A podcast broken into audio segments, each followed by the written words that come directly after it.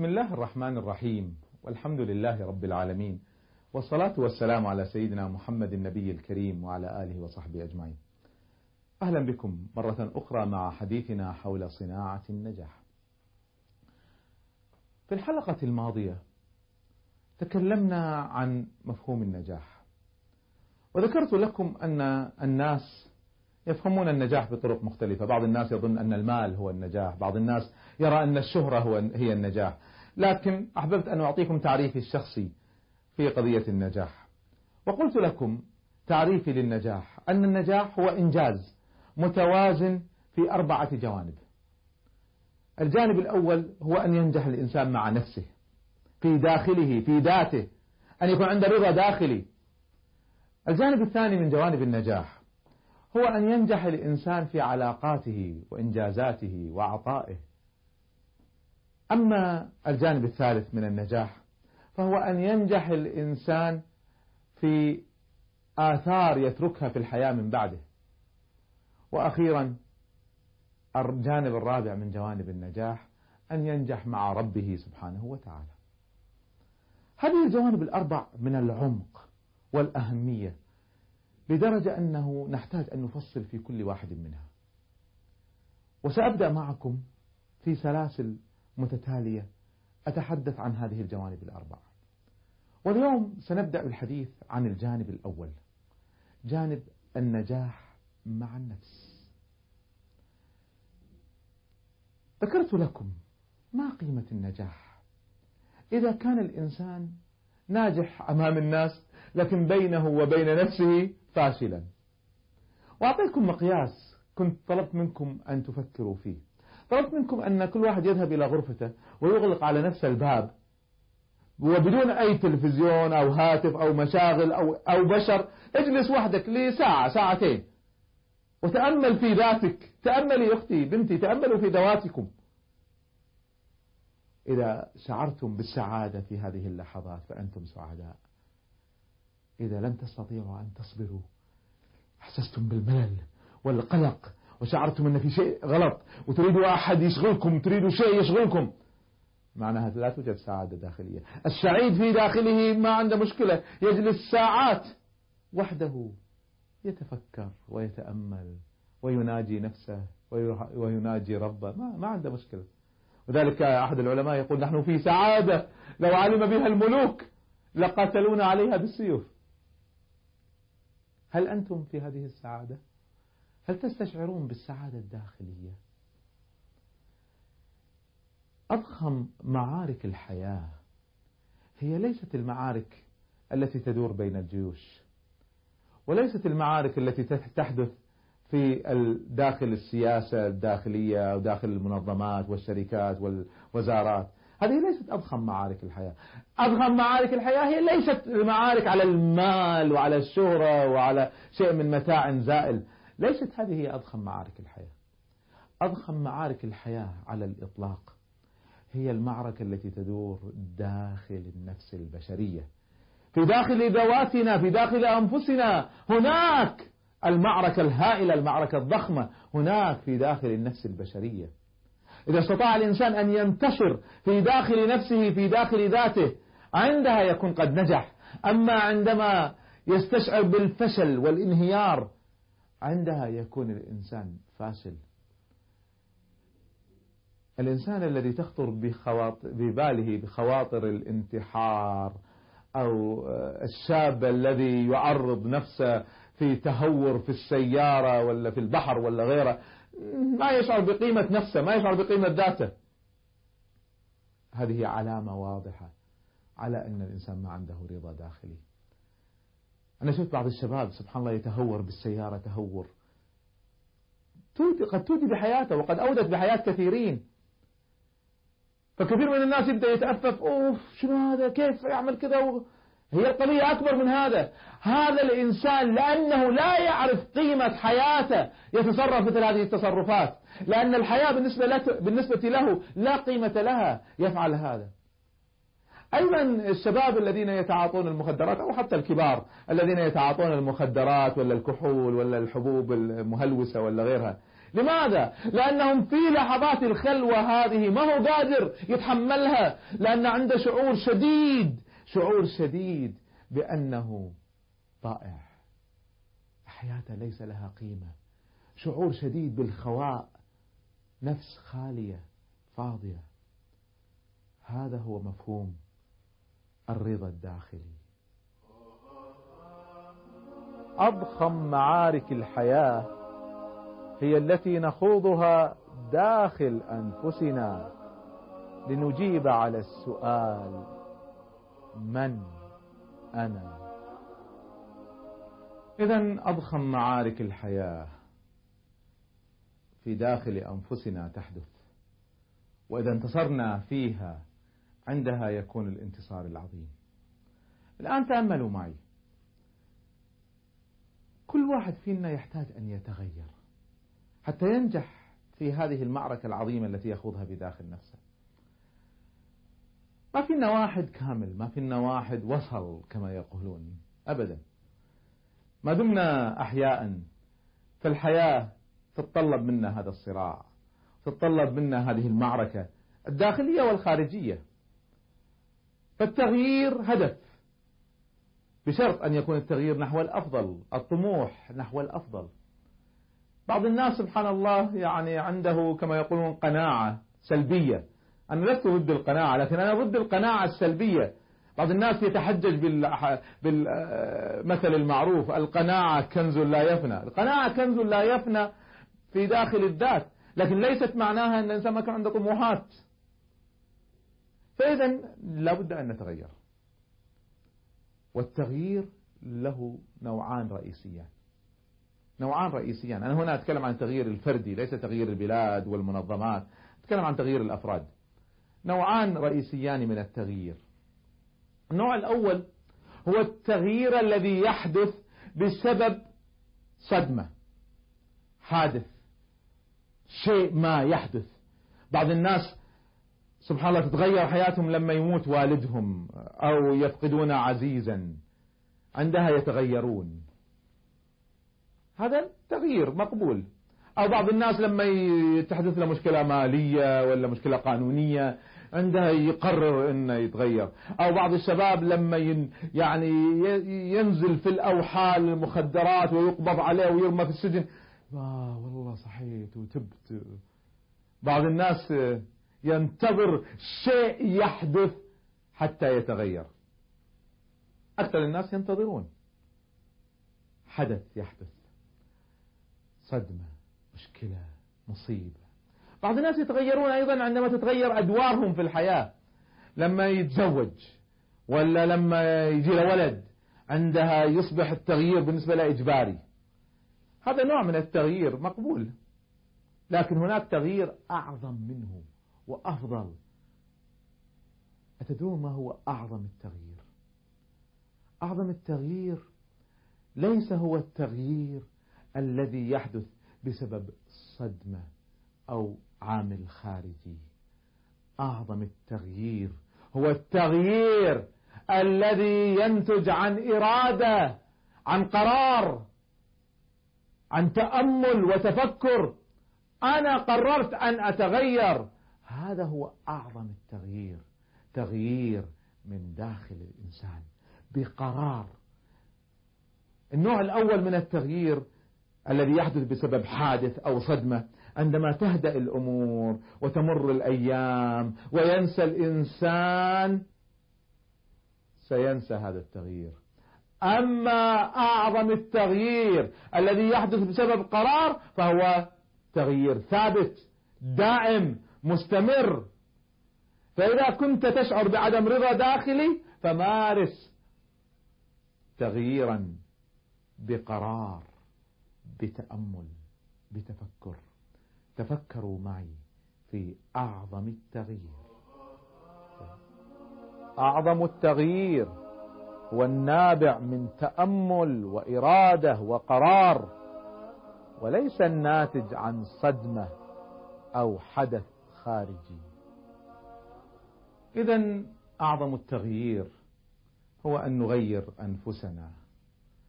طبعا هدف التغيير ليس التغيير بحد ذاته بعض الناس يحب أن يغير دائما من أجل التغيير. الغربيين عندهم هوس اسمه هوس تغيير صرعات تغيير دائما يحب يغير يغير في شكله ويغير في ملابسه ويغير في حياته ويغير يعني إحنا التغيير بحد ذاته ليس هدفا وإنما التغيير لأجل الأفضل لأجل الأحسن.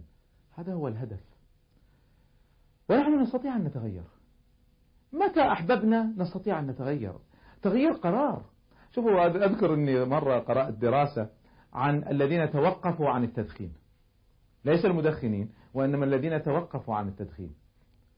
فوجدت دراسة لطيفة جدا.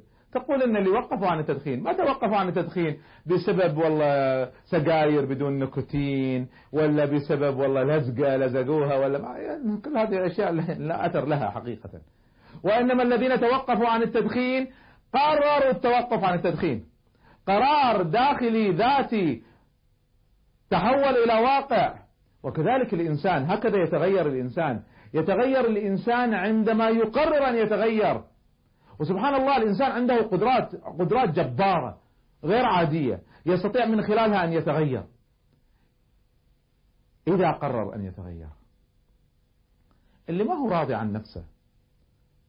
ما هو شاعر بسعادة داخلية؟ ما هو شاعر أن حياته لها قيمة؟ اللي بدأ يفكر بالموت ويفكر بالانتحار. خليه يعيد النظر. خليه يستعمل شوية من قدراته هذه. سبحان الله قدرات الإنسان لو استعملها الله سبحانه وتعالى وصفها في القرآن الكريم وإن كان مكرهم لتزول منه الجبال. الجبال تزول بمكر الإنسان. إذا خطط وقرر وحاول. فإذا هي قضية قرار. قرار داخلي أن نتغير. معركة النفس الإنسانية هذه المعركة التي سميناها أضخم معارك الحياة. هذه المعركة هي قرار داخلي في داخل الإنسان. إذا أراد أن يتغير يستطيع أن يتغير. أنا أريدكم أن تتأملوا معي في هذه القضية. من نحن؟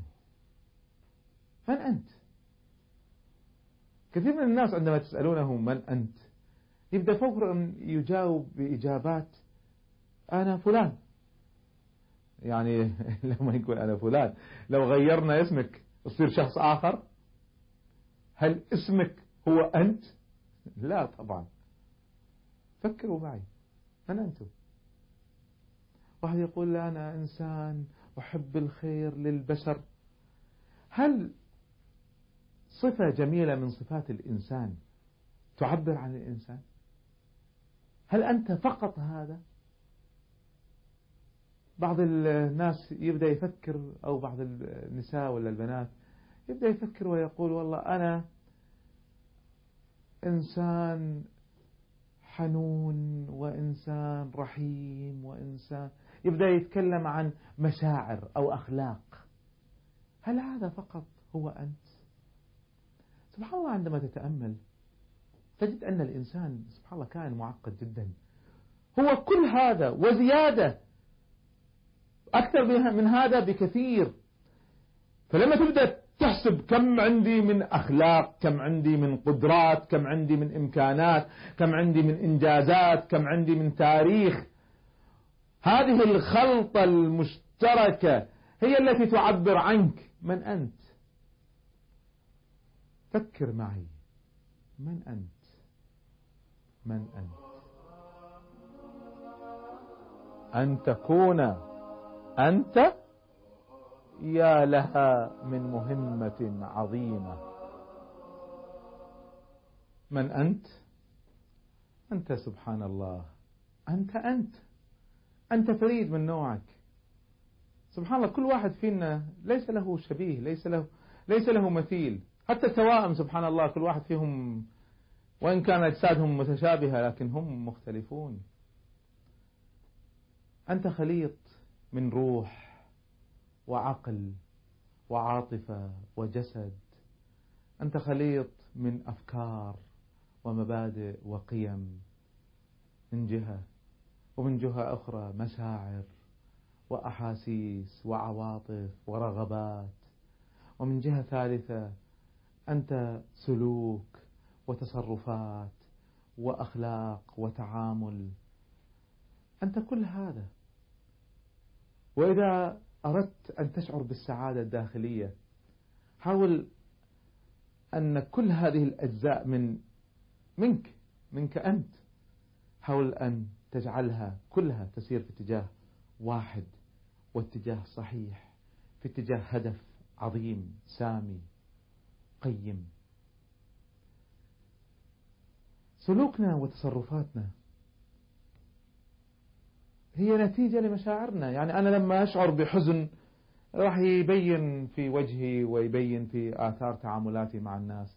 عندما أشعر بغضب ستكون تصرفاتي مختلفة.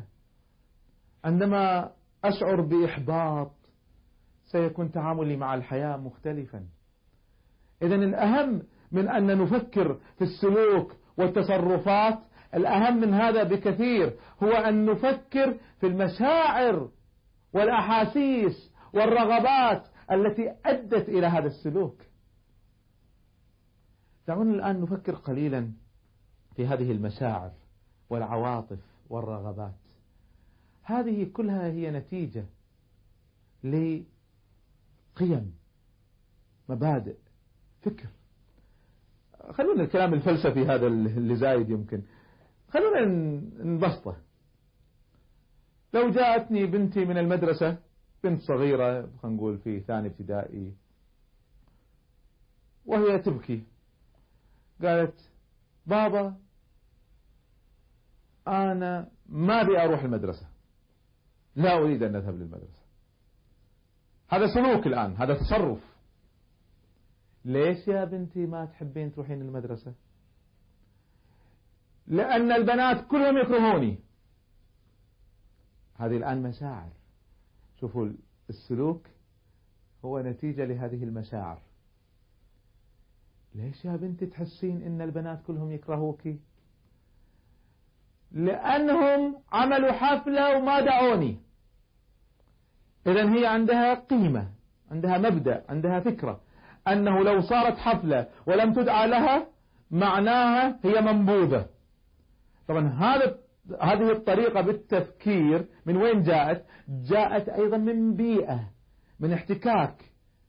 هي احتكت بالبنات بطريقة معينة أو بنات عمها وأقاربها.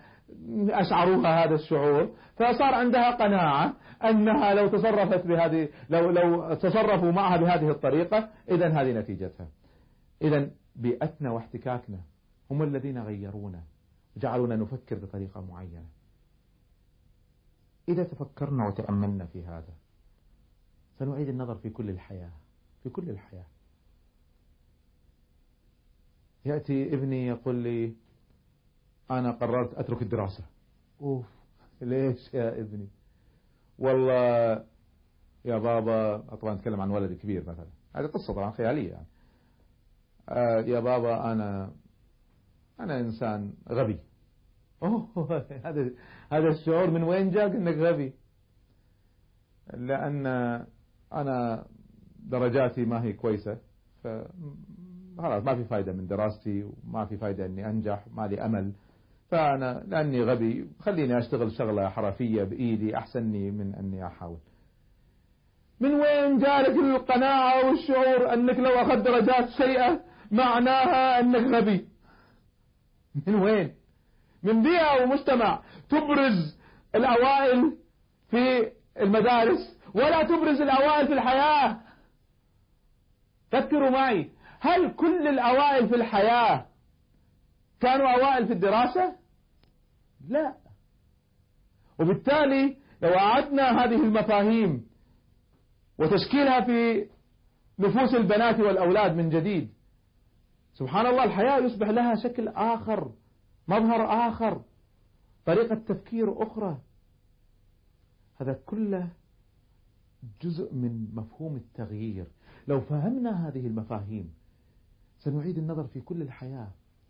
وبالتالي أنا ما أستطيع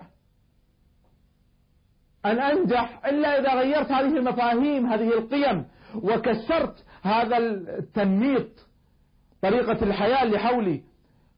اللي أول في المدرسة هو الأول في الحياة. ما هو صحيح. بل بالعكس الحياة تثبت عكس هذا. أن كثير من الأوائل في المدارس في النهاية اشتغلوا عند ناس ما كانوا أوائل في المدارس. فكروا معي. وبالتالي مهما كانت تجاربك السابقة إذا قدرت تكسر هذه الطريقة في التفكير اللي جاءتك من المجتمع ومن الحياة واللي تقول لك أنك أنت فاشل أنت مالك أمل أنت كذا أنت كذا. لا في النهاية أنا الذي أقرر من أنا. أنا الذي أقرر سعادتي ونجاحي وليس الحياة وليس المجتمع. أنا الذي أقرر. إرادتي بيدي. أنا صاحب القرار في تغيير حياتي. عندما نفهم الحياة بهذه الطريقة سبحان الله نكون خطونا خطوة جادة في صناعة النجاح. أما الذي يسمح للحياة من حوله والناس من حوله أن يشكلوه وليس له إرادة فهو بعيد عن صناعة النجاح. اصنعوا النجاح بأن تخطوا الخطوة الأولى الجادة وهو وهي أنكم أنتم مسؤولون عن حياتكم. أنتم مسؤولون عما يحدث لكم. هذا المفهوم أفصله في حلقة قادمة إن شاء الله مع صناعة النجاح. إلى اللقاء. السلام عليكم ورحمة الله وبركاته.